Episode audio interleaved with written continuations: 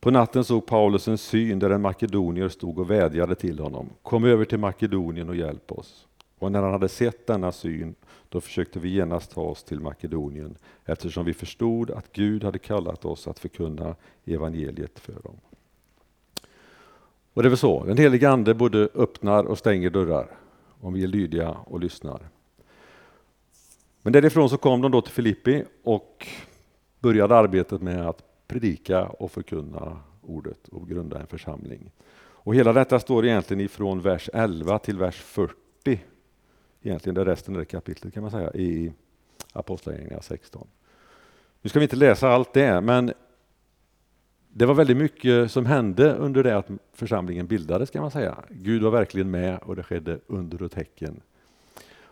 Och den första personen som kom till tro i Filippi, det var en kvinna som heter Lydia. Och hon var med och grundade detta. Hon var en kvinna som fruktade Gud och Gud rörde vid hennes hjärta så hon öppnade det och tog emot sig och blev döpt. Och eh, man känner väl det att det visar ju direkt precis vad som står i, egentligen i Romarbrevet 10.17. Att tron kommer av predikan och predikan i kraft av Guds ord. Ett enkelt vittnesbörd, predikan, förkunnelse. Det står i, i vers 13 att de satte sig ner och började tala till de kvinnor som hade kommit dit. Man hade letat upp en böneplats. Det var inga storsatsningar som vi har på gång framöver, här, så att säga, utan det var jordnära enkelt. Men att Guds ord har framgång. Och att det verkar genom vad det vi talar. Den andra personen som kom till tro, det står i vers 16 till 18, det var en grekisk slavflicka. Och på grund av det så hamnade då Paulus och Silas i fängelse där, som vi säkert känner till där. Och där satt man och sjöng lovsång och bad mitt i natten. Och det är klart, det kan man redan där fundera på, hur, hur, kan man sitta och vara glad och sjunga lovsång och vara i bön så att säga, när man sitter i fängelse. Men det gjorde man och jag tror det visar ändå vikten av att leva i bön och lovsång. Man kan ju välja i det läget och, sätta sig ner liksom och tycka ja, synd om det själv egentligen, men de, de var i bön och sjöng lovsång. Kanske var det som så att de kände sig väldigt tacksamma och glada över det som hade hänt med Lydia och den här flickan. Men i vilket fall så fortsatte det där. Vi vet att helt plötsligt så var det jordskarv, bojorna lossnade och dörrarna öppnades. Och den här fångvaktaren han eh, kände att nej, det här går inte, jag får ta mitt liv. Men Paulus, de sitter kvar där och de vittnar för honom och han kommer också till tro. Då var det egentligen tre personer eller tre olika som var med i, i början där. Och eh,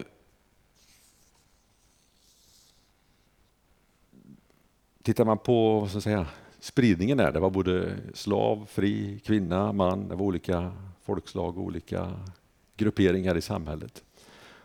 Och det stämmer väl egentligen med vad som står då i Galaterbrevet 3, tänker jag här. Och då står det så här att här är det inte jude eller grek, slav eller fri, man och kvinna. Alla är ni ett i Kristus Jesus.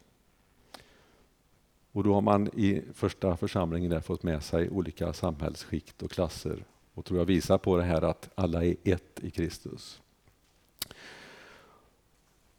Och Sen kommer vi då lite grann till Filipperbrevet. Det är lite i bakgrunden. Och Det händer då ett antal år tidigare än när Paulus nu sitter i fängelse och skriver Filipperbrevet.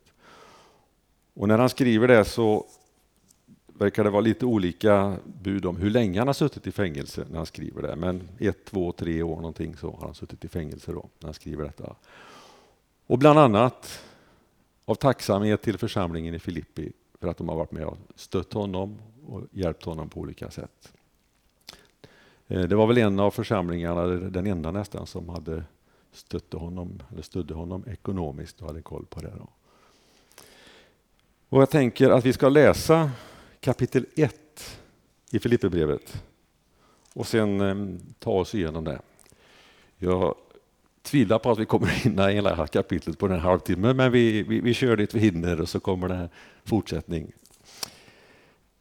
Och då börjar vi i vers 1. Från Paulus och Timoteus, Kristi Jesu tjänare, till alla de heliga i Kristus Jesus som bor i Filippi, tillsammans med församlingsledarna och församlingstjänarna. Nåd vare med er och frid från Gud, vår far och Herren Jesus Kristus. Jag tackar min Gud var gång jag tänker på er. I alla mina böner för er alla ber jag alltid med glädje eftersom ni varit med i arbetet för evangeliet från första dagen ända till nu. Och jag är övertygad om att han som har börjat ett gott verk i er också ska fullborda det till Kristi Jesu dag. Det är inte mer än rätt att jag tänker på om, så om er alla, för jag har er i mitt hjärta.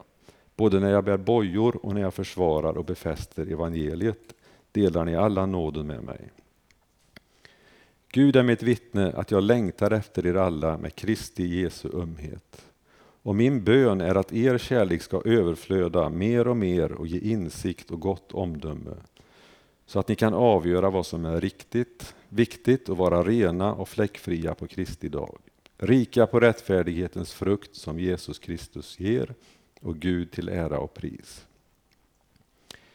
Jag vill att ni ska veta bröder att det som hänt mig snarare har lett till framgång för evangeliet. Det har nu blivit klart för hela pretoriet och alla andra att det är för Kristi skull jag sitter fängslad. Och min fångenskap har gjort de flesta av bröderna så övertygade i Herren att de vågar predika Guds ord ännu mer oförskräckt. En del drivs visserligen av avund och rivalitet, men en del predikar Kristus med goda avsikter. Och de gör det av kärlek, för de vet att jag är satt till att försvara evangeliet. De andra predikar Kristus av rivalitet, med orena motiv och tror att de kan göra min fångenskap tyngre. Än sen, Kristus blir i alla fall predikad för syns skull eller uppriktigt och det gläder jag mig över. Och jag tänker fortsätta glädja mig, för jag vet att allt detta kommer att leda till min frälsning genom er förbön och Jesu Kristi Andes hjälp. Det är min längtan och mitt hopp att jag inte på något sätt ska stå där med skam, utan att Kristus nu som alltid ska frimodigt förhärligad i min kropp, vare sig jag lever eller dör. För mig är livet Kristus och döden en vinst. Men om livet här i kroppen innebär att mitt arbete bär frukt, då vet jag inte vad jag ska välja. Jag dras åt båda håll. Jag har en längtan att bryta upp och vara hos Kristus, det vore mycket bättre. Men för er skull är det mer nödvändigt att jag får leva kvar här i kroppen. Det är jag övertygad om och jag vet att jag ska få leva och vara kvar hos er alla och hjälpa er till framsteg och glädje i tron. När jag är tillbaka hos er igen får ni ännu större anledning till glädje i Kristus Jesus för min skull. Se bara till att ni lever på ett sätt som är värdigt Kristi evangelium, vare sig jag kommer och besöker er eller inte. Låt mig få höra om er att ni står fasta i samma ande och samma sinne och kämpar för tron på evangeliet, utan att på något sätt låta er skrämmas av motståndarna. Det blir för dem ett tecken på att de går förlorade, och medan ni blir frälsta, och det är av Gud. Ni har ju fått nåden att inte bara tro på Kristus utan också att lida för hans skull eftersom ni har samma kamp att kämpa som ni såg att jag hade och nu hör att jag fortfarande har. Det var kapitel 1. Och det är ju då Paulus och Timoteus som skriver här. Paulus framförallt om Timoteus är med och han var ju med även när församlingen bildades. Och när han nu sitter där fängslad så ber han ändå för församlingen i detta. Han tackar Gud och han ber, står det. Och just det här att kunna i, i fångenskap och det han sitter i ändå kunna glädjas över detta och i första hand be för de människorna som är runt omkring. Det visar mycket, tycker jag i alla fall, på hur mycket tron på Jesus betyder för honom. Och Det kommer ju även tillbaka på fler ställen här längre fram och vi har det på andra ställen också, hur livet för honom, det var Kristus. Döden, det var liksom ingenting som han oroade sig för, det var en vinst som han säger. Och allt annat det var underordnat.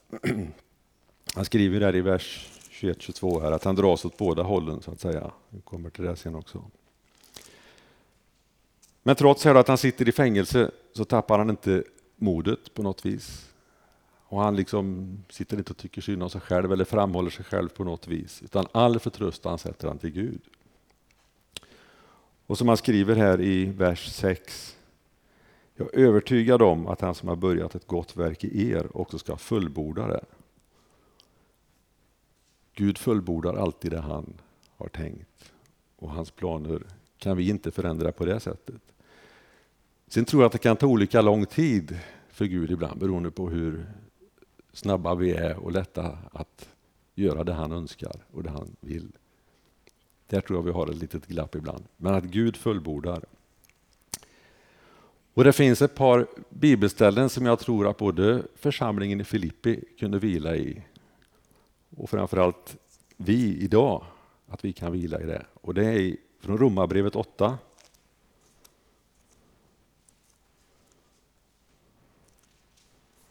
Och vers 38-39.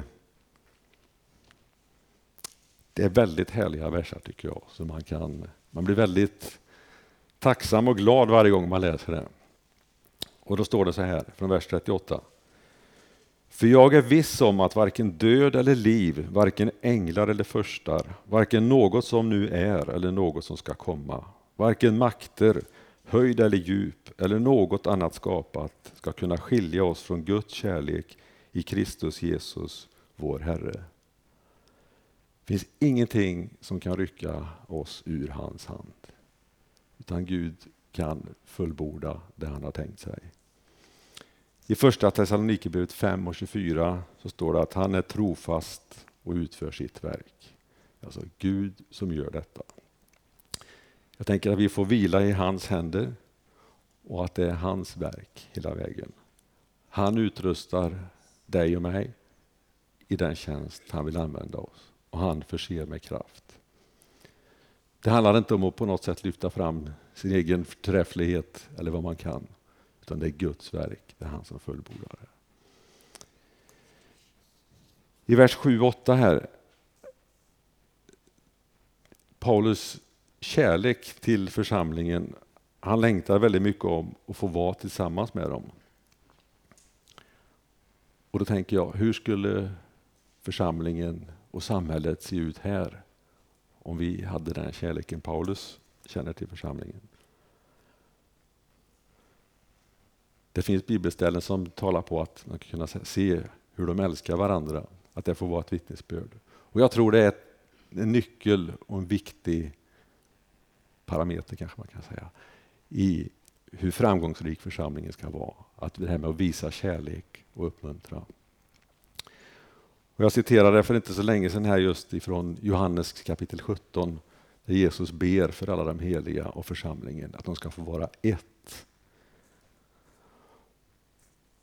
Och det tror jag, det man känner här i, i, i sju, åtta de verserna här, hur Paulus känner, ja det är väldigt likt det Jesus ber kan man tänka. Det med kärleken till församlingen och enheten och hur viktigt detta får vara. Och jag vet inte, men det, det, känns som att han är ja, väldigt lik Jesus i det sättet. Helt utgivande av sig själv så att säga. Det finns inget annat i hans tankevärld. Står här i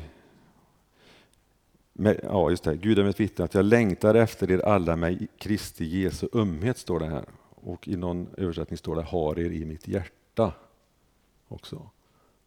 Att det får vara så otroligt starkt.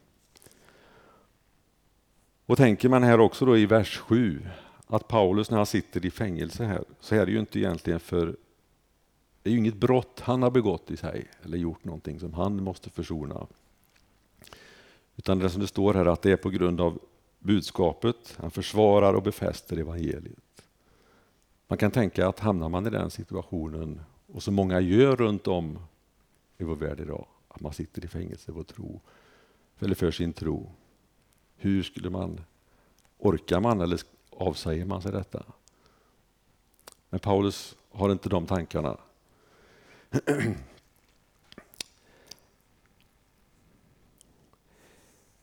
Och det finns en vers i Romarbrevet kapitel 9 och vers 3. Jag kan läsa den. Det visar också på väldigt starkt sätt hur mycket Paulus älskar sina medmänniskor. Romarbrevet 9, vers 3. Jag skulle önska att jag själv var fördömd och skild från Kristus istället för mina bröder, mina landsmän, efter köttet. Alltså jag vet inte, men jag, jag har svårt att ens tänka den tanken ibland. Hur, hur, att han önskar att han själv var fördömd för att sina bröder skulle bli räddade. Jag vet inte, det, det, det är svårt att, att, att, greppa den tanken, men det är ju ändå det vi, vi vill. Vi längtar efter Jesus och vara nära honom. Men Paulus älskar sina medmänniskor så mycket så han känner att jag skulle kunna offra mig själv för dem, för att det är så viktigt. Hela den här passagen just från vers 3 och fram till 11 innan nästa rubrik börjar i min bibel i alla fall är så otroligt fylld med kärlek till församlingen. Att han bara liksom man känner hur det bara strömmar ut och att det får, som man ber här i vers 9. Min bön är att er kärlek ska överflöda mer och mer och ge insikt och gott omdöme. Att kärleken ska överflöda. Och just då ser jag framför mig i alla fall att det är en, en bägare som flödar över. Att det börjar rinna över. Och allting som är liksom i, i närheten av detta. Och att det bara får rinna ut och bara väta ner allt i sin omgivning och få känna den kärleken. Ett ständigt pågående. Och det som slår en när man läser detta, är hur, hur kan man bli så Kristuslik och hur kan man få ge ut så mycket och känna så mycket kärlek? Ja, det att vara nära Jesus tror jag. Det går inte att göra det halvhjärtat i alla fall tror jag. För då tror jag aldrig det kommer att flöda över på det sättet. Då blir det bara halvfullt. Men frågan man kan ställa sig själv det är ju vad betyder det i mitt liv? Vad skulle jag kunna göra? Behöver jag ändra på någonting? Behöver jag göra någonting? Han sitter fängslad och han vet troligtvis inte om han kommer att bli dödad eller frisläppt, vad som kommer att hända. Men han lyfter församlingen i allt detta ändå. När församlingen eh, bildades då som sagt var ett antal år tidigare där, så var det lite, det var jordskalv och det hände väldigt mycket kring detta. Men ändå i det så fanns det aldrig några tankar hos Paulus när, när fångvaktaren kommer in där liksom att ja, det vore rätt åt honom om han tog sitt liv. Det vore inte mer än rätt så som han har behandlat mig. Men han känner inte så. Här är vi, säger han, gör det inget illa och han blir frälst. Han ber också här att församlingen ska få mer insikt och gott omdöme, står det. Och kan avgöra vad som är viktigt och vara rena och fläckfria. Vad kan det innebära? Längre fram i brevet här så står det om villolärare bland annat som, som finns och som vill eh, föra in felaktiga läror i, i församlingen. Och det tycker jag återspeglas väldigt tydligt i, idag egentligen i det samhälle vi lever i. Man läser väldigt mycket om hur man plockar bort bitar kan jag tycka ur vad, vad som står i Bibeln. Man förenklar och gör det liksom inte det. Kraften och budskapet om både Jesus och korset plockar man bort och förändrar. Och, och urvattnar det så att säga. Och här ber han att församlingen ska få både insikt och gott omdöme. Och jag tror att det gäller inte minst församlingarna idag och oss idag.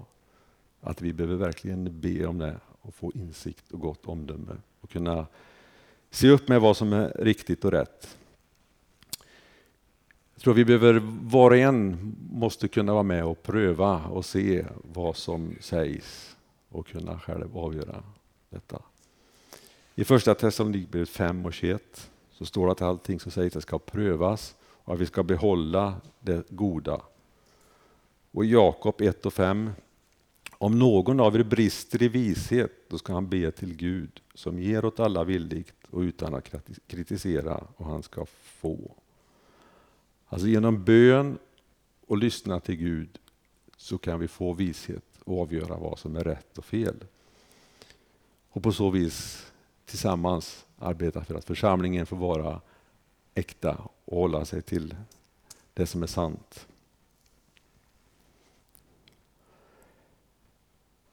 Vers 12, eller rubriken över det, står det fånge för Kristi skull.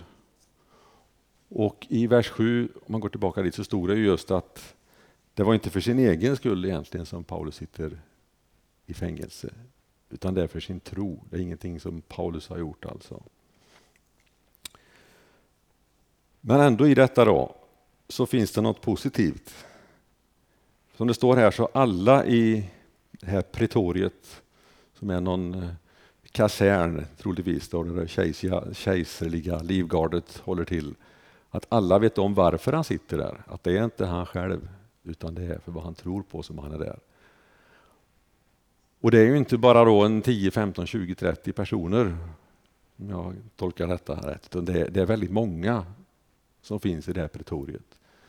Eh, det verkar vara någonstans kanske 10 000 upp till 16 000 personer som känner till detta då, och att det får vara ett väldigt starkt vittnesbörd om vad han tror på.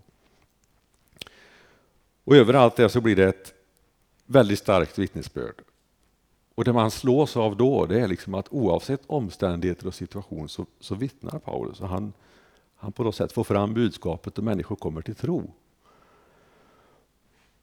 Och ja, det är bara att gå till sig själv egentligen. Man finns i olika sammanhang och situationer och man tycker nej, det är nog inte rätt att säga något nu. Och, nej, då kanske jag stöter mig med den. Eller nej, jag håller tillbaka. Men bara det blir så och så, då ska jag vittna. Och faller det på plats, då kan jag säga någonting.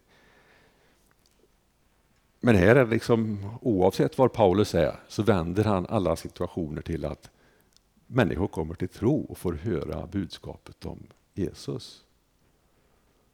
Idag är rätt tid att vittna alltså. Inte imorgon eller om det och det och det, utan nu och idag. Och då kommer det en fråga till där känner jag, till mig och så kanske till oss alla. Hur kan jag lyckas med det, det jag går fram? Finns det någonting jag behöver jobba på? Han skulle kunna sätta sig ner i ett hörn och tycka synd om sig själv och känna att jag är bara ett offer. Men Paulus väljer alltid att predikar och förkunnar och sprider budskapet.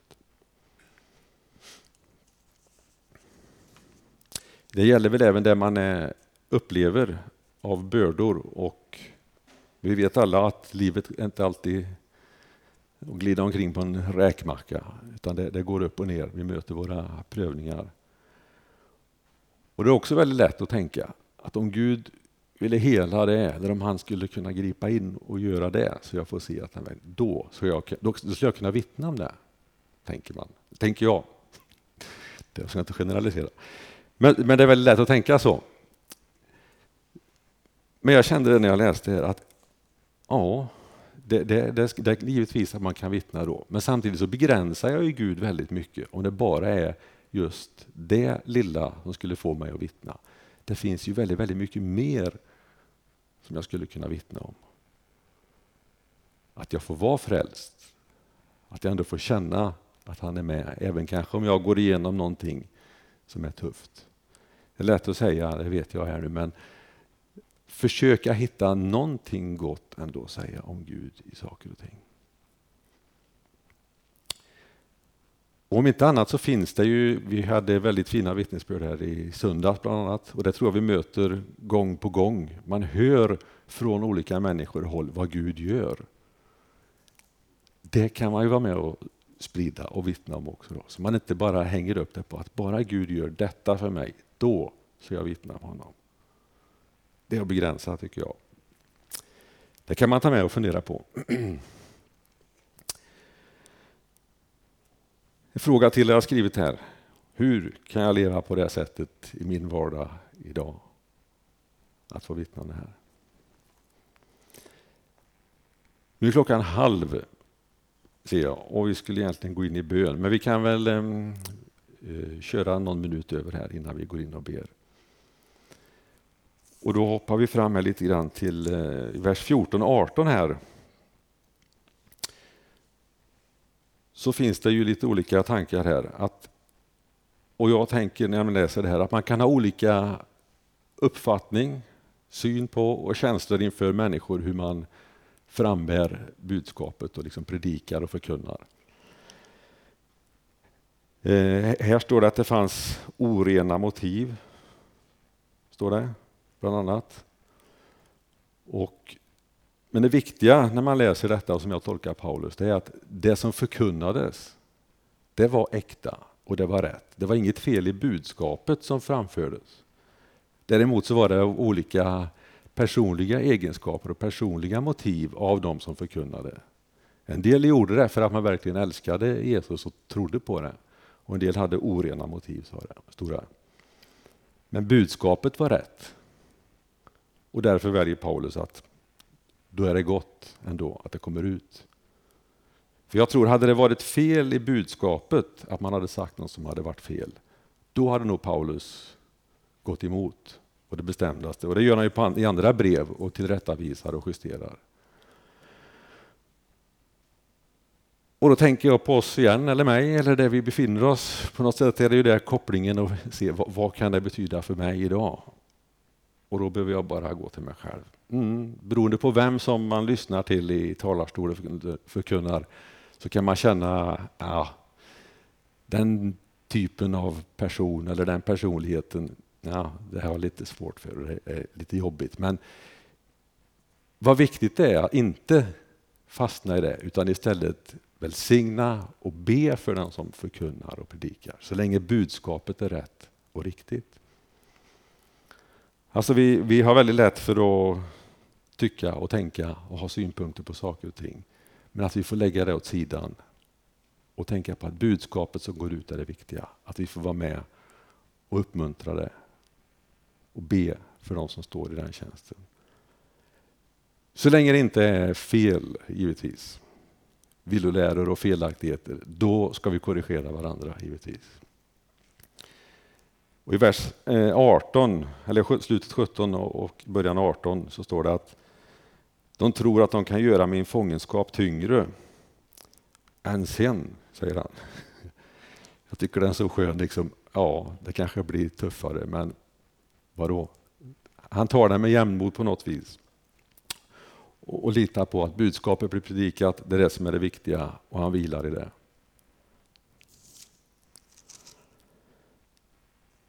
Vers 20 26, den biten handlar egentligen om att i början så säger Paulus att han vet inte om han kommer att överleva här eller inte, vad som kommer att hända och ske. Men det är inte det viktiga ändå, utan det viktiga är att egentligen att han får vara i Guds vilja, är min tanke och som jag tolkar det här. Han vill gärna möta Kristus, står det. Han vill gärna få vara där, men han vill ändå att så länge arbetet och det han gör bär frukt, så vill han vara kvar i det också. Han dras mellan det här. Det bästa och det lättaste och det mest härliga tolkar jag som det vore att få flytta hem och få möta Kristus. Men så länge han känner att mm, jag kan vinna en människa till, jag kan få med en människa till, jag kan vinna någon mer, då vill han vara kvar och göra detta. Och Det blir också talande, vilken överlåtelse, vilken förtröstan på Gud och vilket liv. Att finns egentligen ingenting som binder eller håller honom eller liksom som är värt något annat, utan det är förkunnelsen om Gud och få vittna för människor. Och så länge det bär frukt, då vill han göra det. Annars så vill han hellre flytta hem till Kristus.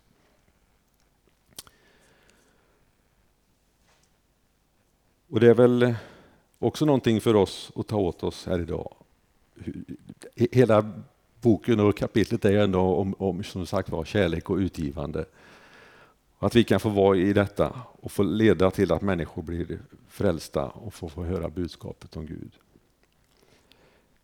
Men sen i vers 25 så svänger han tillbaka lite grann igen här. Då känns det ändå som att han har fått någon förvissning ändå om att han kommer att leva vidare. Han kommer att möta församlingen igen.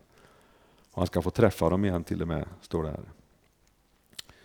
På något sätt så får han ändå en förvissning om att han kommer att få jobba vidare och förkunna det här.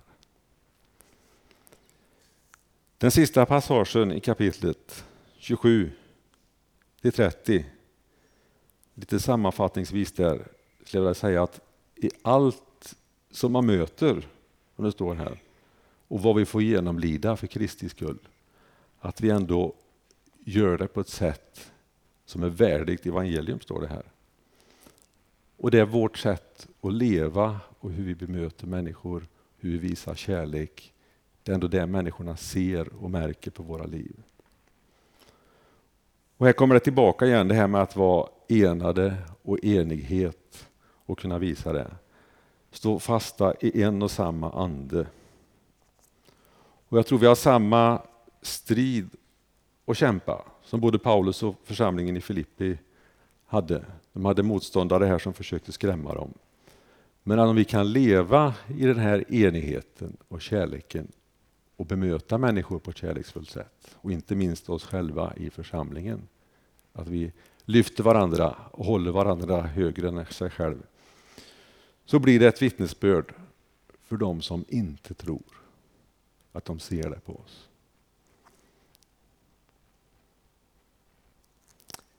Det var de tankarna jag tänkte ta fram kring första kapitlet här i Filipperbrevet. Det finns väldigt mycket mer egentligen och ju mer man försöker att titta på varje vers och sånt så finns det väldigt, väldigt mycket. Men man får väl avgränsa lite grann. Men, men det är ett fantastiskt glädjefyllt kapitel och hela boken. Och vi fortsätter med kapitel två nästa gång, tänker jag, blir om 14 dagar. Och se var vi landar.